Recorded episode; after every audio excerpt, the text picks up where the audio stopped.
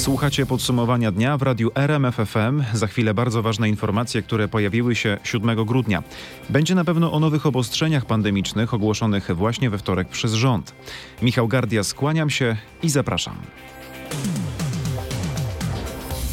Zaczynamy od informacji dnia, o której mówiły dzisiaj wszystkie media w Polsce. Rząd wprowadza nowe obostrzenia pandemiczne.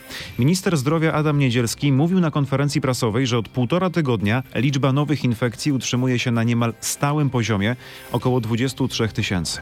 Jak dodał, to utrzymywanie się tak wysokich liczb jest zagrożeniem dla wydolności systemu zdrowia. Szczegóły obostrzeń, a także terminy, w których będą obowiązywać, przedstawił wiceminister resortu zdrowia Waldemar Kraska. Od 15 grudnia obniżamy limity do 30% obłożenia lokali w restauracjach, barach i hotelach. Zwiększenie limitu wyłącznie dla osób zaszczepionych, zweryfikowanych przez y, przedsiębiorcę. Także od 15 y, grudnia obniżamy limity do 30% obłożenia w kinach, teatrach, obiektach sportowych, sakralnych, i tak samo jak poprzednio zwiększanie, zwiększenie tego limitu może być wyłącznie dla osób zaszczepionych, zweryfikowanych przed przedsiębiorcę. Także od 15 grudnia w kinach dodatkowo zakaz konsumpcji. Od 15 grudnia zamknięte są dyskoteki, kluby i obiekty udostępniające miejsca do tańczenia. W dniu 31 grudnia bieżącego roku i 1 stycznia 2022 roku ograniczenie liczebności klientów w lokalach zamkniętych do maksymalnie 100 osób. Z wyłączeniem oczywiście osób, które są zaszczepione. One do tego limitu nie będą włączane. Także ograniczamy limit w, w transporcie zbiorowym do 75%. Także od 15 grudnia. Także wprowadzamy naukę zdalną w szkołach e, podstawowych i szkołach średnich od dnia 20 grudnia do 9 stycznia. Po tym terminie dzieci wracają do nauki e, w trybie stacjonarnym. Także e, chcemy od 1 marca, aby pracownicy ochrony zdrowia, służb mundurowych czy też nauczyciele byli poddani obowiązkowemu szczepieniu przeciwko COVID-19. Wszystko dokładnie opisujemy też na naszej stronie rmf24.pl. Nasz dziennikarz Michał Dobrołowicz dopytywał lekarzy, jak oceniają w ogóle te obostrzenia. E, powtórzę to, co słyszeliście przed chwilą. Od 15 grudnia zaostrzone będą limity w kinach, hotelach i restauracjach od do 30% osób niezaszczepionych. Co mówią eksperci? Cały czas brakuje jasnych zasad, jak sprawdzać, czy ktoś jest zaszczepiony przeciw koronawirusowi, a takie zasady wprowadziły z mniejszym lub większym sprzeciwem mieszkańców inne kraje, podkreśla epidemiolog profesor Marcin Czech. E, mam na myśli Włochy czy Francję i myślę, że to jest właściwa droga, bo, bo inaczej to my nigdy sobie po prostu nie poradzimy z tą pandemią. Niekonsekwencja, którą widzi profesor Marcin Czech dotyczy dyskotek, które nie będą działać od 15 grudnia przez całe święta i potem w Sylwestra i Nowy Rok znowu będą otwarte z limitami. Być może to dlatego, że Sylwester to naprawdę wyjątkowy dzień. Tak dodaje ekspert. To był medyczny głos, który przeniósł do podsumowania dnia Michał Dobrołowicz. A jak te zmiany komentują mieszkańcy Warszawy? Zachorowań jest coraz więcej, więc tak troszeczkę jestem rozdarta. Nie wiem jak myśleć, czy jak, jak to będzie, czy, czy to dobry pomysł, czy nie. Te limity też będą chyba średnio. Po prostu nie będzie to przestrzegane. Jeżeli to by wszyscy przestrzegali, to faktycznie było miał jakiś tam cel, ale ale tak mi się wydaje, że to nie będzie przestrzegane w zupełności. Czy Pani gdzieś czuje, że jest Pani w ogóle sprawdzana, że jest Pani liczona jako jedna z klientek? Absolutnie. W komunikacji miejskiej nie jest to sprawdzane, tak jak były e, liczby, prawda, na każdych drzwiach czy oknach, że ma być to, przypuśćmy, nie wiem, 40 osób. Nigdy nie było to, a że komunikacją miejską jeżdżę, nigdy nie było to sprawdzane. W sklepach? Absolutnie. Więc nie wiem, czy to ma jakikolwiek sens. Obostrzenia, a czy Pani czuje, że te dotychczasowe są kontrolowane? Liczą Pani obecność, kiedy Pani wchodzi do jakiegoś sklepu, żeby te limity... Szczerze, póki co to jest fikcja, tak? Ja też prowadzę firmę i umówmy się, że jakby obostrzenia są, są na papierze, wszędzie są karteczki, wszędzie są takie informacje. Natomiast czy ktoś tego faktycznie pilnuje? No szczerze, to niekoniecznie, bo każdy chce też przeżyć i żyć normalnie. Ceny są jakie są, a czy obostrzenia coś dadzą? No umówmy się, jakby wydaje mi się, że... Yy ciężko to będzie zweryfikować. Wydaje mi się, że u nas problemem jest to, że ludzi się straszy, e, ludzi się nie informuje, nie uczy, nie edukuje.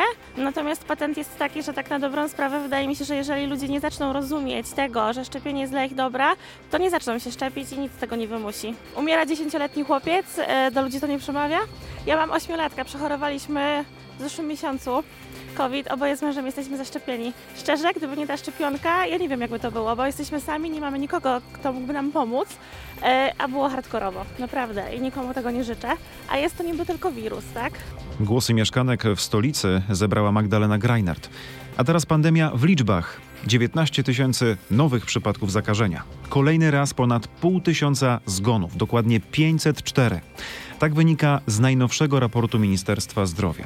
Michał Dobrołowicz sprawdził, jak wygląda sytuacja w polskich szpitalach. Już ponad 2000 zakażonych koronawirusem w całej Polsce wymaga pomocy respiratora. Na oddział, jak opisuje profesor Piotr Pruszczyk z Warszawskiego Uniwersytetu Medycznego, trafiają coraz młodsi pacjenci. Jest pewna różnica, bo w poprzedniej fali głównie były to osoby starsze. W tej chwili mamy grupę osób 50-60 lat z nadwagą, z nadciśnieniem tętniczym. To jest czynnik ryzyka cięższego przebiegu infekcji COVID-19, osoby niezaszczepione. Najwięcej zakażeń cały czas jest na Mazowszu, najszybciej za to nowych infekcji przybywa na Śląsku i w Wielkopolsce. Natomiast w porównaniu do poprzedniego wtorku, tydzień do tygodnia, liczba zakażeń spadła na Podlasiu i na Lubelszczyźnie. W polskich laboratoriach wciąż nie wykryto ani jednego przypadku omikrona, ale coraz więcej krajów go potwierdza. Na przykład w Hiszpanii najnowsze dane mówią o 12 przypadkach zakażenia tym wariantem. O infekcjach informuje też Chorwacja, Rosja czy na przykład Łotwa.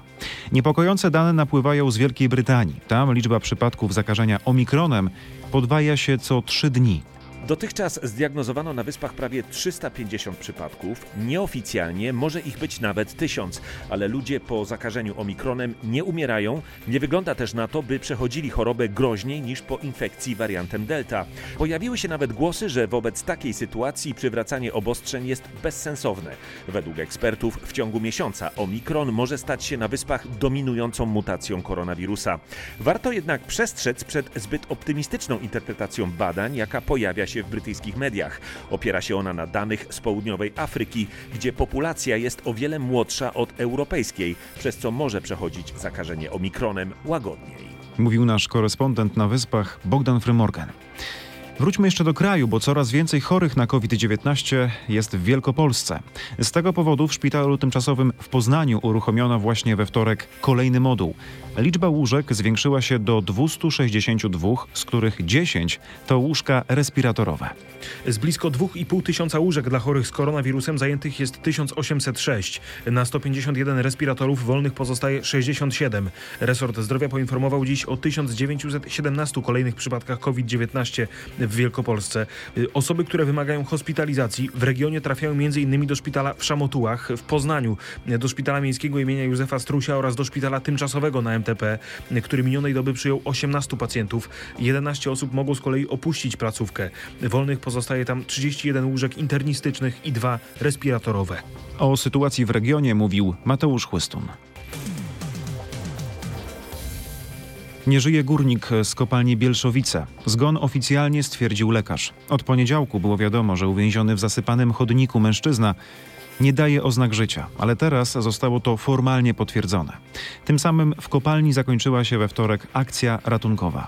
Marcin Buczek opisuje, jak wyglądała ta ostatnia część akcji. Około południa ratownikom udało się dotrzeć do uwięzionego górnika. Wtedy też rozpoczął się transport ze strefy zagrożenia. Kilkanaście minut później lekarz oficjalnie potwierdził śmierć mężczyzny. Wtedy można było rozpocząć transport na powierzchnię. Akcja w kopalni trwała od soboty. Po wstrząsie w zasypanym chodniku znalazło się dwóch górników. Jednego udało się uratować w nocy z soboty na niedzielę. Mężczyzna jest teraz w szpitalu. Przyczyny wypadku będzie ustalał Urząd Górniczy, a jakiekolwiek prace w tej części kopalni są teraz wstrzymane do odwołania.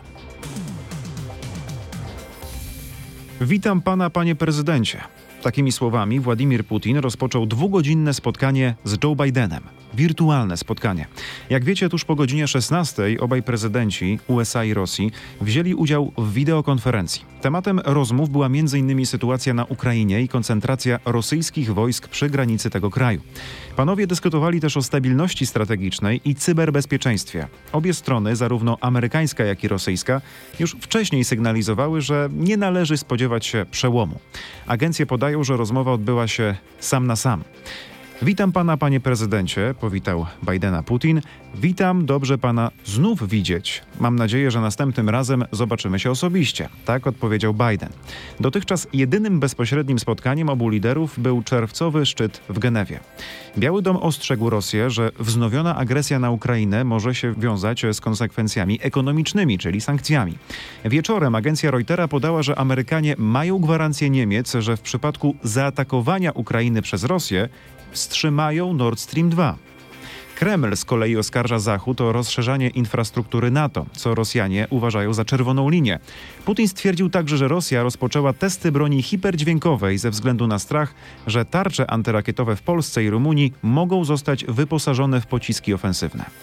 Spotkanie dwóch prezydentów skomentował na naszej antenie Adam Eberhard, szef Ośrodka Studiów Wschodnich. Był on gościem popołudniowej rozmowy w RMFFM.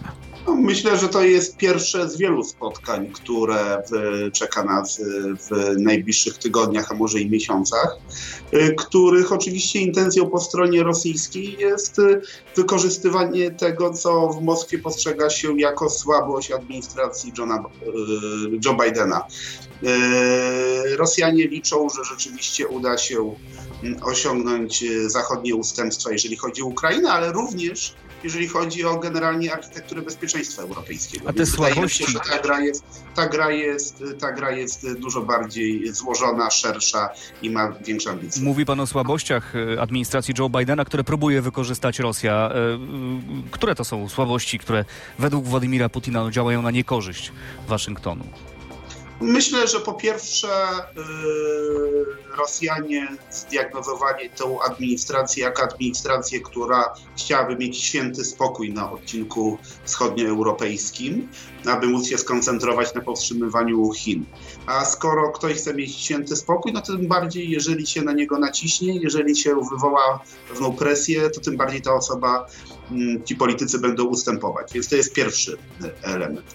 Y, po drugie, myślę, że y, Rosjanie kalkulują w ten, jakby kalkulują, kalkulacje rosyjskie dotyczące polityki amerykańskiej wiążą się z wewnętrzną y, konkurencją w samych Stanach Zjednoczonych.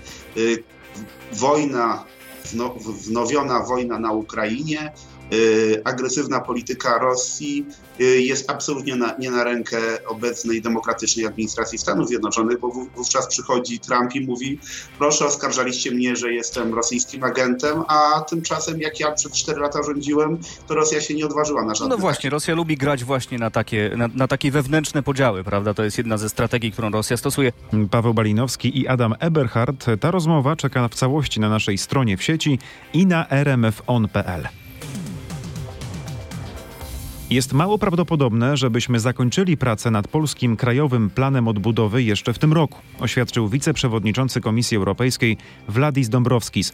Polski KPO opiewa na 36 miliardów euro, które będą mogły być wydane na wsparcie gospodarki w związku z pandemią koronawirusa. Co to oznacza? Wyjaśnia Katarzyna Szymańska-Borginą. To oznacza, że Polska może się pożegnać z prawie 5 miliardami euro zaliczki, a zaliczka jest bardzo korzystna, bo są to pieniądze, które można uzyskać bez konieczności spełniania jakichkolwiek wymogów. Oczywiście pieniądze te nie przepadną, zostaną dopiero jednak wypłacone jako transza całej płatności po realizacji na przykład konkretnych reform. Zdaniem Komisji Europejskiej ruch należy teraz do polskich władz. Chodzi o zobowiązania co do likwidacji Izby Dyscyplinarnej i przywrócenie odsuniętych od orzekania sędziów. Inną informacją, która napłynęła we wtorek z Brukseli jest to, że Rada Unii Europejskiej osiągnęła porozumienie w sprawie nowych przepisów dotyczących VAT-u. Nowe regulacje dają krajom Unii większą elastyczność w stosowaniu obniżonych i zerowych stawek tego podatku. Towarem, który został objęty możliwością obniżenia VAT-u jest m.in. żywność. Ale też na przykład panele słoneczne, rowery elektryczne czy usługa recyklingu odpadów.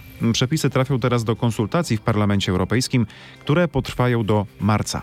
Ja przypomnę, że premier Mateusz Morawiecki podczas prezentacji tarczy antyinflacyjnej e, przyznał, że rząd co prawda mógłby obniżyć podatek na żywność do zera, ale Bruksela się na to nie zgadza. No i teraz to się zmieniło. Słuchacie podsumowania dnia. Teraz czas na wizytę w strefie przy granicy z Białorusią. Straż Graniczna informuje, że w ostatnich tygodniach grupy migrantów są dowożone ciężarówkami pod granicę od strony białoruskiej. Nie ma koczowisk. Minionej doby było 116 prób nielegalnego przekroczenia granicy. Nasz reporter Krzysztof Zasada był w okolicach Krynek w towarzystwie funkcjonariuszy Straży Granicznej. Posłuchajcie jego relacji. Stoimy przy samochodzie obserwacyjnym, on stoi na takim wzgórzu. tam na linii drzew jest granica. Pan ma na tym samochodzie specjalne kamery, tam widać termowizyjną i zwykłą. Na czym ta służba pana polega? Y, Ta służba polega na obserwowaniu linii granicy państwowej. Mamy właśnie y, głowicę, na której są dwie kamery, termowizyjna i dzienna. One obejmują jaki tutaj odcinek tej granicy? Granica obejmuje odcinek od znaku granicznego 503 do znaku granicznego To 499. jaki to jest odcinek ile metrów? Półtora kilometra, więcej? Około półtora kilometra, tak, ma pan rację. Co pan widzi w tych monitorach? One są zamontowane na kierownicy i tam na siedzeniu pasażery. Y, W kamerze dziennej y, widzimy obraz taki jak z zwykłej kamery, tylko że jest to kamera y, Full HD, czyli widzimy obraz także z bardzo dużego powiększenia. Można zobaczyć jakiś obiekt z kilku kilometrów, nawet kilkunastu po przybliżeniu bardzo dokładnie. A z kamery termowizyjnej widzimy y, obraz y, przedstawiony mm, w polaryzacji białej bądź czarnej. Biała polaryzacja, wtedy obraz nagrzany jest widziany w kamerze termowizyjnej na ciemniejszym tle. I wtedy wiemy, że coś jest, yy, coś co daje ciepło jest widziane na kamerze. Na tym odcinku obserwował pan y, próby nielegalnego przekroczenia granicy? Dzisiaj, teraz nie widziałem, nie było. Ale w ogóle, od kiedy stoi ten samochód? Ja nie, ale koledzy tak. I to, to były duże grupy, bo rozumiem na termowizji widać te białe punkty, tak? Tak, tutaj były akurat same próby, tutaj nie było przejść w tym czasie, co, co były widoczne. Także były zgłaszane próby i podejmowane były środki, żeby tego zapobiec. Samochód stoi tutaj całodobowo? Nie, nie stoi tu całodobowo. Macie różne miejsca. Tak, różne miejsca, pojazd jest mobilny, można wykorzystywać w różnych miejscach. We wtorek pojawiła się też informacja, że kończący urzędowanie premier Czech Andrzej Babisz zapowiedział skierowanie wniosku do obu, do obu izb parlamentu o zgodę na wysłanie 150 żołnierzy do Polski w rejon granicy z Białorusią. Wnioski te mają trafić do Izby Poselskiej i Senatu w środę. W podsumowaniu dnia teraz zaproszenie do pomagania innym. Szlachetna paczka czeka na darczyńców. Do tej pory nie znalazło ich ponad 1300 potrzebujących rodzin w całej Polsce, a czasu zostało niewiele, bo finał akcji już w najbliższy weekend. Kto y, tylko może, y, prosimy o wsparcie i prosimy o zaangażowanie się i pomoc y, rodzinie w potrzebie. Warto pomagać, warto zostać darczyńcą w Szlachetnej Paczce. Zapraszamy, aby wejść na stronę www.szlachetnapaczka.pl wybrać e, województwo, wybrać e, rejon e, i rodzinę zgodnie z opisem i potrzebami danej rodziny. Można zostać darczyńcą indywidualnie bądź z grupą znajomych, e, z całą e, szkołą, firmą. Możemy się, e, że tak powiem, złożyć ze znajomymi bądź podzielić się produktami, pójść wspólnie na zakupy, popakować pięknie paczki i zawieźć do magazynu, więc to jest tylko e, kwestia e, logistyki i organizacji zakupów, bo już czasu coraz mniej. Do niesienia pomocy zachęcała Anna Schmidt ze Szlachetnej Paczki na Dolnym Śląsku. A czego najczęściej potrzebują rodziny? Wsparcia w formie żywności, środków czystości, ciepłego obuwia czy ciepłej odzieży. Mm, Też e, mm, wiemy, że rodzina jedna potrzebuje na przykład kursu e, prawa jazdy. mm, e, Więc taki kurs na przykład u nas w pracy zorga- zorganizowaliśmy. E, i mamy darczyńcę, e, czy też tablety, e, laptopy, czy jakiś sprzęt AGD, który jest niezbędny do codziennego życia. Dodaje Anna Schmidt. Tylko w ubiegłym roku, dzięki pomocy wolontariuszy, liderów i darczyńców, takie szlachetne paczki dotarły do ponad 14 tysięcy rodzin. Naprawdę warto pomagać. Nas to kosztuje niewiele, a innym może zmienić życie, no tym bardziej teraz, przed świętami. Minęło już kilkadziesiąt godzin od dnia, w którym młodsi i starsi dostali prezenty od świętego Mikołaja. To jest chyba dobry czas, żeby zapytać, czy te podarunki były takie, jakie sobie wymarzyliście. No ciekawe. Nasz reporter Paweł Pyclik pytał was na wrocławskim rynku, po cichu oczywiście, czy dostaliście nietrafione prezenty. Zdarzają się. Tak. No różnie, najczęściej od teściowej pasek. Pasek do spodni? tak, dokładnie. A co pan później z takim paskiem robi? Leży w szafie, no bo co zrobić, nie? Nie odda się. A teściowej pan coś zasugerował kiedyś delikatnie, że no niekoniecznie taki pasek? Zdarzyło się. Jaka była reakcja? No niemiła. Najczęściej to chyba ja, najchętniej to chyba ja daję takie prezenty nietrafione. No myślę, że nietrafionym e, prezentem to są skarpetki, bo to jest zawsze jako prezent dawane i już nikt nie lubi otrzymywać skarpetek, a jednak jest to taki prezent, który, a dobra, no to jakieś takie z motywami świątecznymi. Dostała Mikołajka z czekolady. Trafiony prezent? Nie, bo chciałam się odchudzać. Ale zjadła pani. Nie, nie zjadłam. Mąż przechowuje. Czyli mąż zje. Mąż zje, tak. Mąż kocha słodycze. Pani daje czasami nietrafione prezenty? Y, Nie staram się zrobić porządny wywiad, żeby było więcej radości. To czego trzeba unikać, żeby no, trafić w prezent? Powtarzania się, sama nie wiem. Nie wydaje się, że prezent dany jest każdy wspaniały. No nic, no trzeba się cieszyć, nie? Mimo wszystko. Czyli robić dobrą minę, mimo że nam nie, nie do końca leży ten prezent? Tak, no wie pan, no, drugiej osobie, która daje, może być przykro po prostu, nie? No co, zniechęcić ją? No nie, nie ma sensu, nie? A później gdzieś ukradkiem coś z nim zrobić, z tym prezentem? No nie, no gdzież, no trzeba się z niego cieszyć i się, że tak powiem, okazywać go. No, no takie życie. Pani zdaniem, jak trafi się taki nietrafiony prezent, co zrobić? Powiedzieć komuś, czy zrobić dobrą minę? Nie, w życiu kochanym dobrą minę, no nie wolno robić komuś przykrości, no jakby to tak. No, zdarzało się, dlatego właśnie już teraz nie robimy prezentów, tylko przyjeżdżamy na przykład w takie miejsce, nie Amelka? I spędzamy weekend na takim jarmarku, żeby uniknąć nietrafionych prezentów. No właśnie, jak się zdarzały te nietrafione prezenty, jak pani reagowała? Szły dalej. No właśnie, czyli co zrobić z takim prezentem nietrafionym? No sprzedać.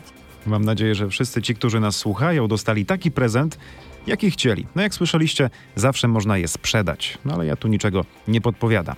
Na koniec jeszcze w temacie świątecznym bardzo imponująca informacja. E, Rekord w skali Niemiec, ale i być może całego świata. Niemieckie małżeństwo w Dolnej Saksonii zmieściło aż, uwaga, 444 piękne, przystrojone świąteczne choinki w swoim domu. Widziała to nasza reporterka Aneta Łuczkowska. Przyznaje, że zrobiło to na niej wrażenie. Opisałabym to jako choinkowy labirynt. Drzewka stoją wszędzie, tworzą także gęsty szpaler wokół łóżka gospodarzy. Drzewka są oczywiście sztuczne, bo takiej liczby choinek nie dałoby się ubrać w jeden dzień. Zacząłem 1 sierpnia. Na dworze było gorąco, a ja już ubierałem choinkę, mówi Tomasz Jeromin z Rintel, miasteczka leżącego między Hanowerem a Bielefeld. Kolekcję choinek i ozdób ekscentryczna para tworzyła od dekady.